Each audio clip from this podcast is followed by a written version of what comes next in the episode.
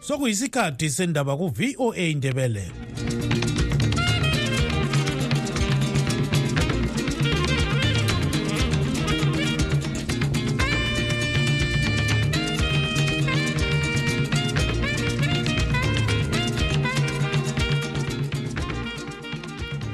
olamukela ngenjabulo kustudio 7 ngolwesihlanu mhla ka-29 bhalakazi 2023 ngutabo kancube endabeni zethu lamhlanje. Izakhamizi zeharare zithi amazwi kamasipala waleli dolobho awokuthi abasendaweni ezikhangelane lodubo lwempophoma zamanzi bathuthele kwezinye indawo aveza ukuthi ikhansili kayilazwelo ebantwini abawelwe yingozi. Inkokheli zamabandla okholo zikhuthaza ukuthi kube lokusebenzela ndawonye kwenhlangothi ezitshiyeneyo zempilo ezigoqela zikahulumende lezinye ukuze kuqedwe udubo lwabantwana abathatha izidakamizwa utshwala lokunye okudakayo abaculi bezimbabwe bathi labo balahlekelwe kakhulu ngokubhubha komculi wasesouth africa obengumlingisi njalo umbongeni ngema. Zonke lezi ndaba lezinye ziyalandela.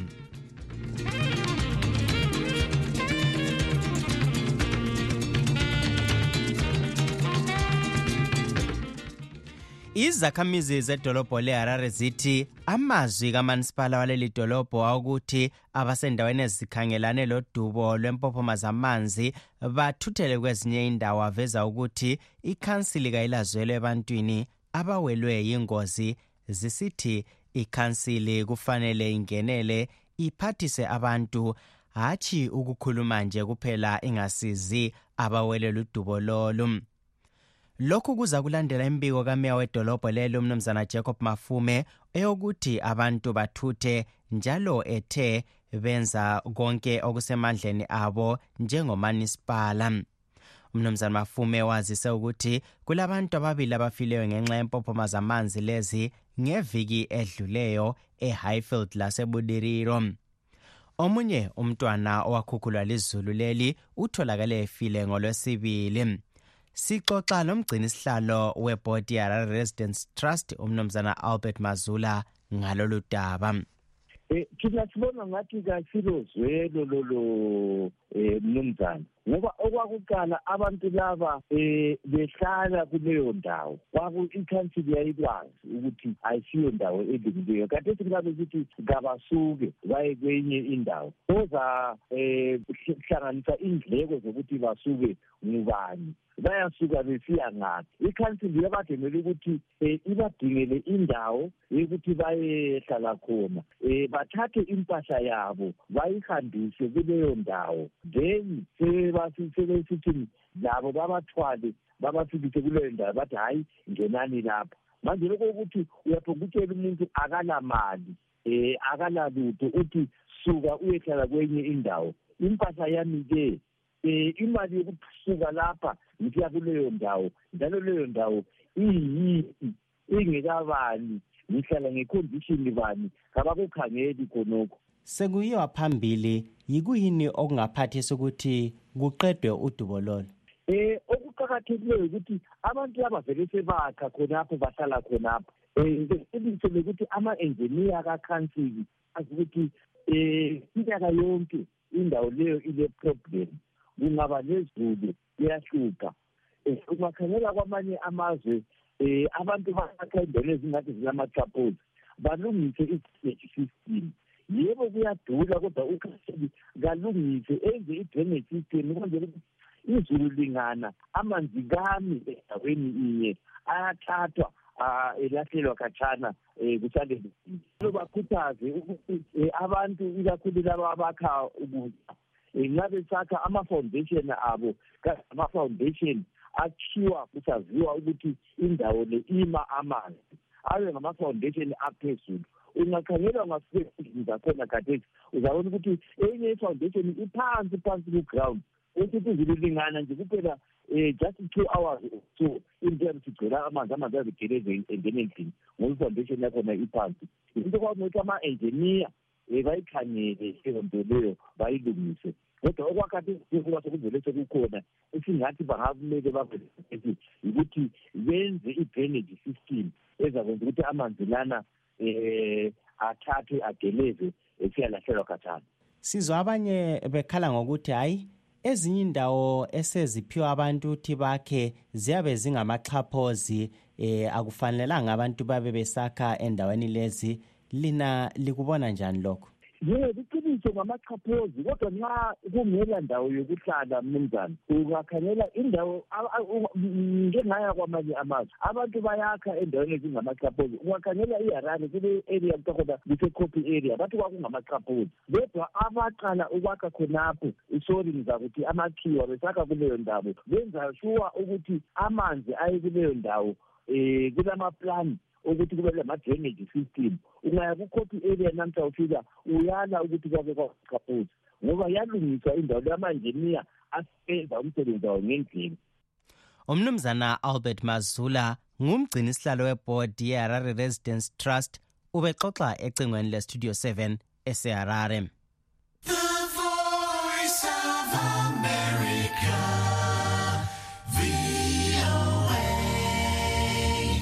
inkokheli zamabandla okholo ezimbabwe zikhuthaza ukuthi kube lokusebenzela ndawonye kwenhlangothi ezitshiyeneyo ezigoqela ezikahulumende ezokholo kanye lenhlanganiso ezisebenza zizimele ukuze kuqedwe udubo labantwana abahlala emigwaqweni abathatha izidakamizwa utshwala lokunye okudakayo. Lokhu kuza kulandela imifanekiso yamavidiyo esisabalele ezinkundleni zokuxhumana ezebulenjini ezigoqela o-x iwhatsapp lezinye ngelanga lekhisimusi ebiveza abantwana abancane bedakiwe njalo bethwele imbodlela zotshwala. Isikhulumeli samapholisa umnumzana paul nyathu uthe kulabantwana ababili abakulumfanekiso asebesaziwa ukuthi ngobani kulomunye oleminyaka elithumi lanye lolethumi lantathu 13 istudio 7 ixoxa lomqondisi wenhlanganiso yezimbabwe christian alliance umfundisi useni sibanda ngalolu daba. Nxa sikhangela iminyaka yabantwana laba okuthiwana abakade benatha utshwala sibona ukuthi baleminyaka engaba kubo-11 uh, kusiya ku-13 uh, years yeminyaka. Bethathwa-ke leyo mabonakude benatha. Siyabona siyananzelela ukuba lowo ngumnyaka yabantwana basesebancane kakhulu ukuthi bebe besenza lokho. Ah kuthi ukuthi kuba nembuzo eminingi njalo ukuthi obathengele lobu tshwala ngubani kumbe ovuma ukuthi babuthenge. Njalo nxa bebonwa emgaqweni ngabantu abadala besenza into enje ngesikhathi kudala siyakwazi ukuthi awuhlukhuzwe khonapho ngabadala njalo bedinga ukuthi abazali bakho bangaphi. Kanti kubangelwa yini ke lokhu mfundisi? Siyananzelela ukuthi ukuhamba kwabantu besiya ikakhulu abazali besiya kwamanye amazwe kuyadinga imisebenzi. Sebetshiye izimuli um zikhokhelwa ngabantwana abancane. Kutsho ukuthi laba bantwana abancane abakhangela abana babo kwesinye isikhathi kuyenzakala ukuthi baphume benze khonokho ukuganga kungabi lo muntu omdala okwanisa ukubakhuza. Kanti-ke khona vele esintwini sethu umntwana ubegcinwa isigaba sonke. Njalo siyakwazi ukuthi thina ebantwini abamnyama akubi lo mntwana oyabe engalazihlobo eziseduze ezikhangeleyo. Nxa abazali beye ngaphetsheya kwelizwe kumele ukuthi kube lezihlobo eziyizo ezikhangele labo bantwana ezithunyelwa imali ngabazali labana abangaphetsheya. Kutsho ukuthi labo babesekela njani laba bantwana besenza ukuganga okunje um njalo siyananzelela ukuthi sebesiba baningi abantwana ababe besezitridini bezidingela izimali ngoba abazali babo mbe besithi uh, bayiziphofu kumbe abazali babo begogekile kumbe abazali babo bengakwanisi ukubakhangela. Kuyini okungenziwa okungaqeda udubo lolo? Ngibona kuqakathekile kakhulu ukuba uhulumende ngathi kumbe i-social welfare eyalapha elizweni lethu. Kule-social welfare ezibakhona ku-city council kule-social welfare ekahulumende. Zonke lezo ngatsha zombili zilamabhajethi engathi zilezimali zokukhangela esingathi indaba ezinjengalezi abantu ababe beswela abantwana basezitridini ikanti njalo silazo inhlangothi thina emabandleni ezinjengabo-scripture union. Sile nhlangothi ezayivele zikhona um ezazikhangela indaba ezinjengalezi.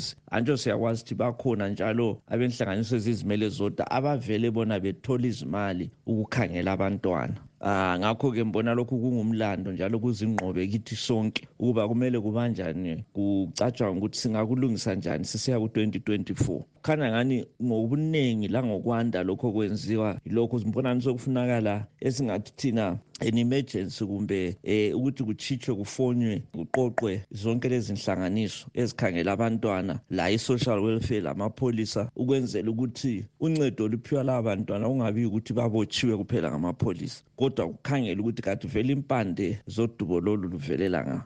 Umfundisi useni sibanda ngumqondisi wenhlanganiso yezimbabwe christian alliance esikhulume laye ecingweni ekobulawayo.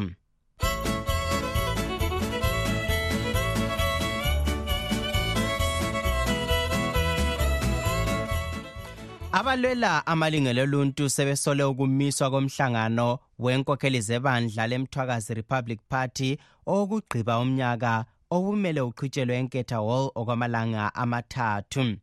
Ibandla leli lithi laphiwa imvumo yokuqhuba umhlangano lo kodwa amalunga alo amiswe ukuqhuba lomhlangano ngamapholisa.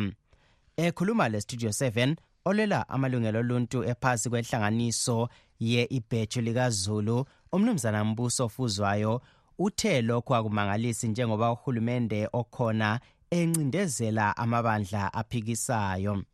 Hayi angiboni into ethusayo ayisento emangalisayo kodwa kuyinto esibonisa ukubana ilizwe leli alikhululekanga kanganani nokuthi amapholisa abhuzwa njani. Ngoba uma abantu vele umthetho phela kawutsho ukuthi abantu bacele ukuthi benze kuthiwa kufuze ukuthi bazise amapholisa. So uma eke avuma esephinda ayale umbuzo yikuthi kuyini okuyabe sekutshintshile i-ansa nje lula yikuthi abantu bezimbabwe balokhe besebugqilini abaphethe amandla kabafuni ukuthi kube le-other view efika ebantwini. Sibone umhlangano wabo owerali futhi uke wamiswa eh, ekuqaliseni kwenyanga yena leyi. Eh, kungabe kusitshoni lokho? Eqinisweni ngibona ngazathi kenisehlise akuvunyelwa. Kuyabe kube sokuyinhlansi ukuthi libe le mhlangano ovunyelweyo zanu ongavunyelwanga ngamapholisa ngaphandle kwebandla lezanup f. Sikhangela-ke ilungelo lokuthi abantu benelise ukuthi behlangane sekusitshoni. I-violation yamalungelo oluntu i-right to assembly um ama-rights amaningi they are being violated left right center um kusetshenziswa amapholisa kuncindezelwa abantu lezinhlanganiso. Um yinto abantu bezimbabwe osokuzothi beyilele kakhulu ngoba sebeyithathele ngohulumende okhona sesibuyele esikhathini akusatshiyananga lesikhathi sikasmith ukuthi abantu bakuze benze imihlangano belindiwe benze imihlangano ebunyameni ekucatsheni singathi sesibuyele esikhathini sikasmith inkululeko yonke le abazali bethu abayiselayo abayihlalela emagangeni sithethe yathathwa ngohulumende owareplace usmith esepractiza inkolo zerodisha umnumzana mbuso ofuzwayo ulwela amalungelo oluntu ephansi kwenhlanganiso ye-ibheju likazulu ubexoxa lestudio 7 ecingweni ekobulawayo. Asenelisanga ukuthola umbiko wamapholisa njengoba ucingo lwesikhulumeli samapholisa umnumzana paul nyathi belungadotshwa. Kukanti osaphethe isikhundla sesikhulumeli samapholisa kobulawayo unkosikazi nomalanga msebele yena uthe usadingisisa ngalolu daba njengoba ebengakatholi imbiko ngalo.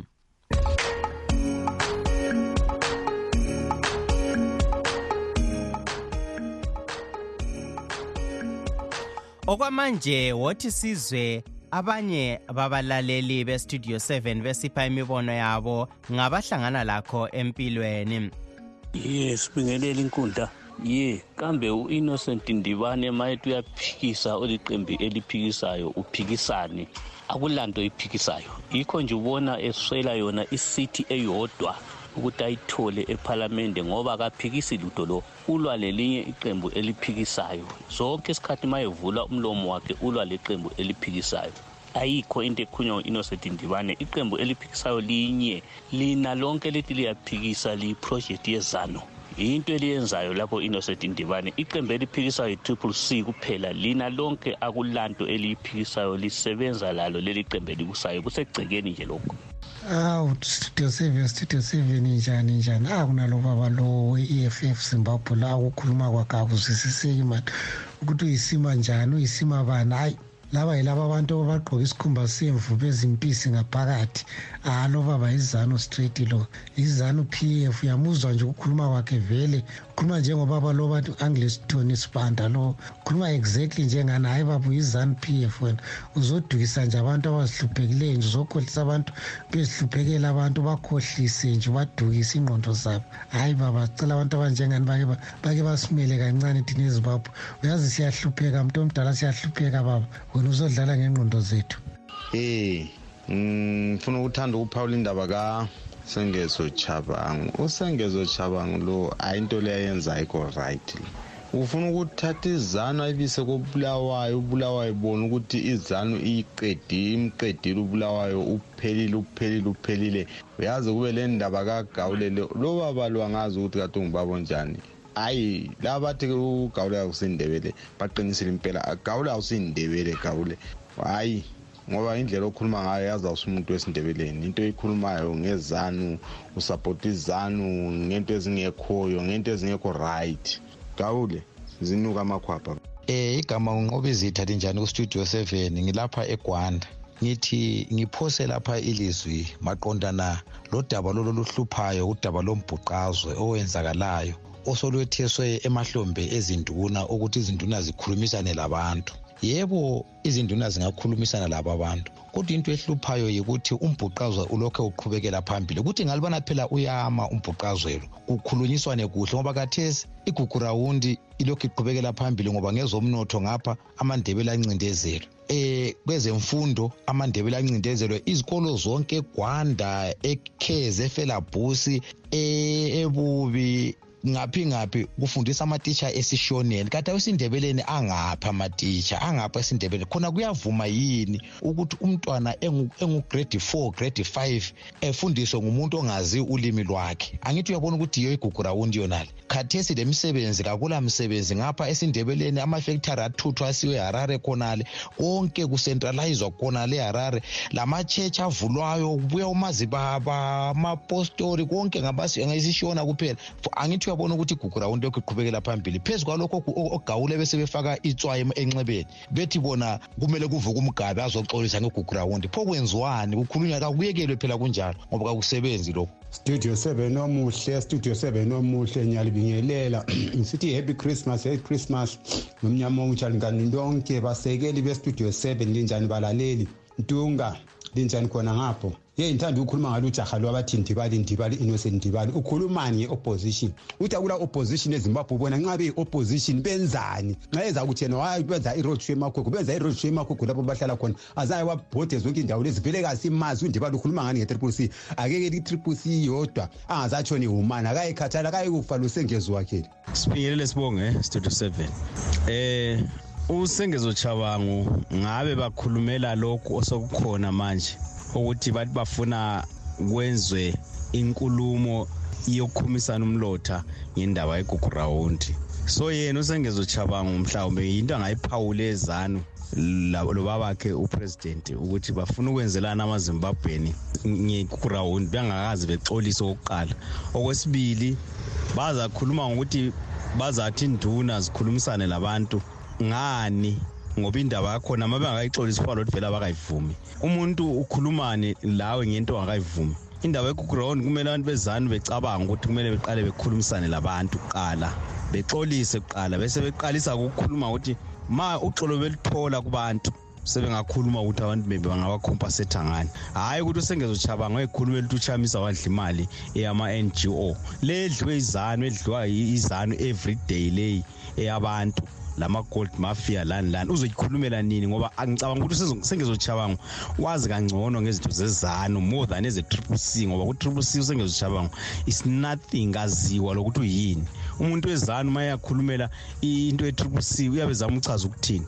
Laye kadla imali ethule njengabo-douglas monzora imali ezanu siyabonga. Studio 7 studio 7 ninjani basakadlani lonke balaleli bestudio 7 igama ngingosiphilisiwe mpofu ngokuzalwa ngizalelwe victoria falls okwamanje ngisegoli epitoli. Bengithanda ukubingelela umama madube unazenzo nobabami usazenzo nengane zami ezithi u-ayanda unaledi nabafowethu. Uzamani usithengisiwe ulikheni uneva. Nabo bonke abangaziyo nazo zonke izizukulwana zakompofu ezithi ukhuthi masambu uphoshi nabo bonke abangaziyo esigabeni sase-127 ngithi nyakomuhle kini lonke. Ingani inkosi ngaligcina size sihlangane singabaphilileyo.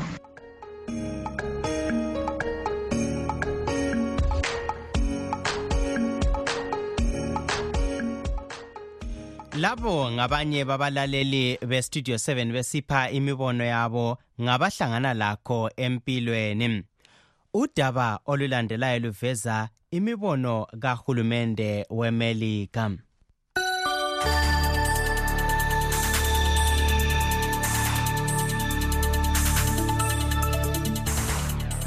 Njengoba ugatsha lwe-US State Department soluke lwatsho kanengi ngaphambilini ukuba intatheli zindaba akusilocala kodwa ukwanda kwentatheli ezibotshwe kumaviki asanda kwedlula kwele Azerbaijan kuveza sobala ukuthi iziphathamandla zalelo lizwe azivumelani lalumbono.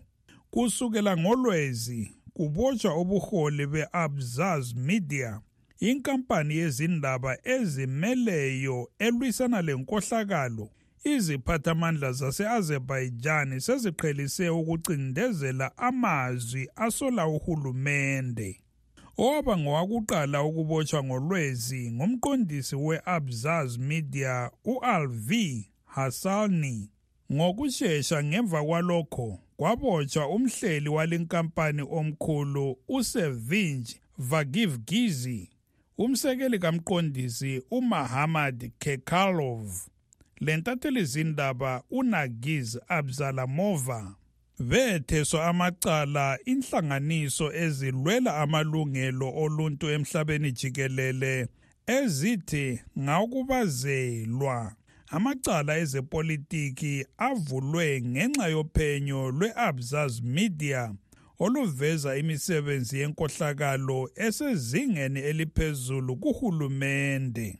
Bonke sebegcinwe ezitokisini okwesikhathi eside phambilini kokuthethwa kwamacala abo. Abanye abasanda kubotshwa ngu-aziz orujov umsunguli womsakazo we-tv ozimeleyo osakaza ebulenjini owe-canal 13 kanye lobala izindaba urufat muradli. Akusizo zintatheli kuphela ezihlukuluzwa nguhulumende. Ugubad ibadogl oyingcwethi kwezenotho njalo engumgcinisihlalo webandla eliphikisayo ele-azerbaijan democracy and welfare party wabotshwa ngontulikazi. Kwathi umkhokheli webandla eliphikisayo ochothoza uhulumende utofik yagublu yena wabotshwa phakathi kukampalakazi. Ekhuluma lentatheli zindaba umnumzana Matthew Miller isikhulumeli sogatsha lwe-State Department uthe ukubotshwa kwentatheli zindaba amalunga enhlanganiso ezizimeleyo kanye labamabandla aphikisa uhulumende wakwele Azerbaijan yinto ekhathazayo kakhulu. Bedlula ichumi asebebotshiwe kunyanga eyodwa kuphela edluleyo. Akwamukeleki lokhu. Kutsho isikhulumeli se-state department umnumzana miller sizaqhubeka sikhuthaza uhulumende wase-azerbaijan ukuthi ahloniphe amalungelo oluntu kanye lenkululeko eyisisekelo somuntu wonke okugoqela labo abasebenzisa linkululeko ukukhuluma imibono yabo futhi sifuna kukhulule bonke ababotshiweyo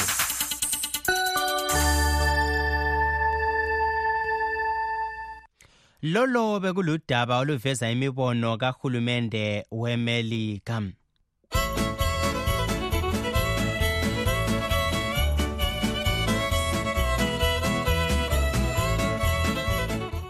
Abaculi bezimbabwe sebeveze ukudana okukhulu ngokubhubha komculi wakwele south africa obedume emhlabeni jikelele njalo engumlobi wamafilimu umbongeni ngema. Ungema waloba amafilimu olohlonzi agoqela usarafina kanye lethi woza albert. Ubhubhele engozini yemota ngolwesithathu ekwazulu natal eseleminyaka yokuzalwa engamachumi phose ayisikhombisa 68 kubika untungameli nkomo. Wathinta thina wathinta bangasokufa safa saphenduka saphenduka inje bovu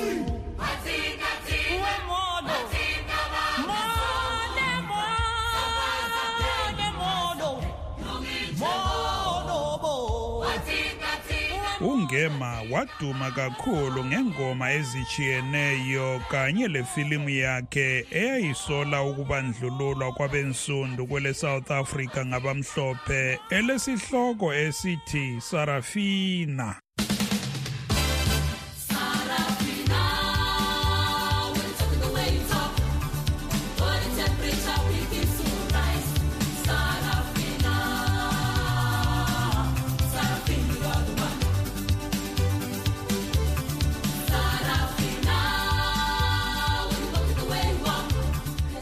Ezinye ingoma zakhe ezadla ubhedu zigoqela le ethi woza mayifohloza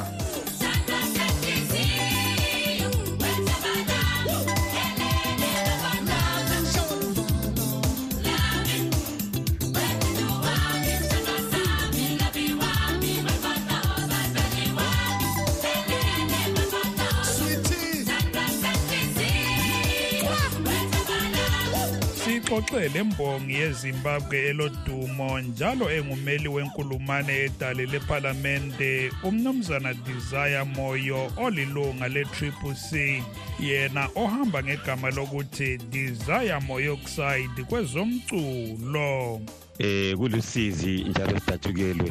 Ukuthiwa ngudokotela umbongeni ngema umlobi omkhulu umdlali westage omkhulu umhlabelelo omkhulu eh inhliziyo zidabuke kakhulu ukubana ke siphunyukwe indoda emadodeni ingcwele ingqungqulu yethu kuma arts kuyini okumqoka ongathi ukufundile emsebenzini yakhe?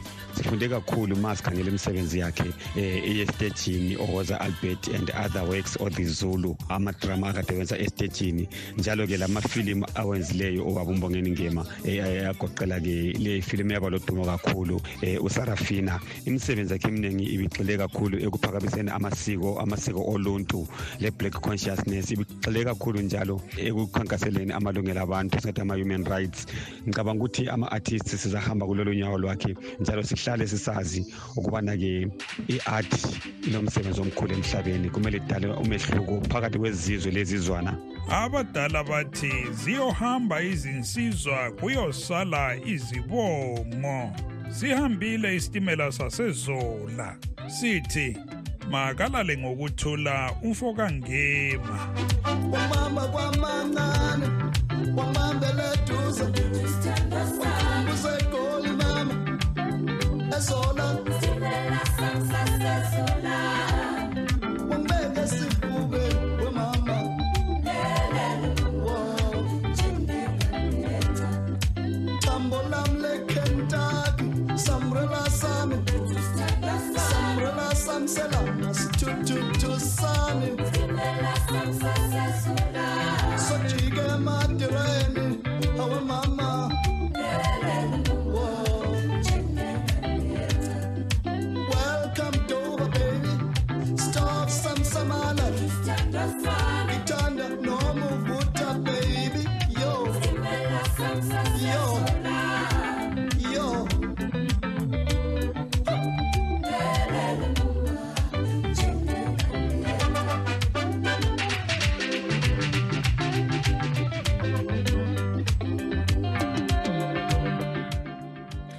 Singake zihlobo.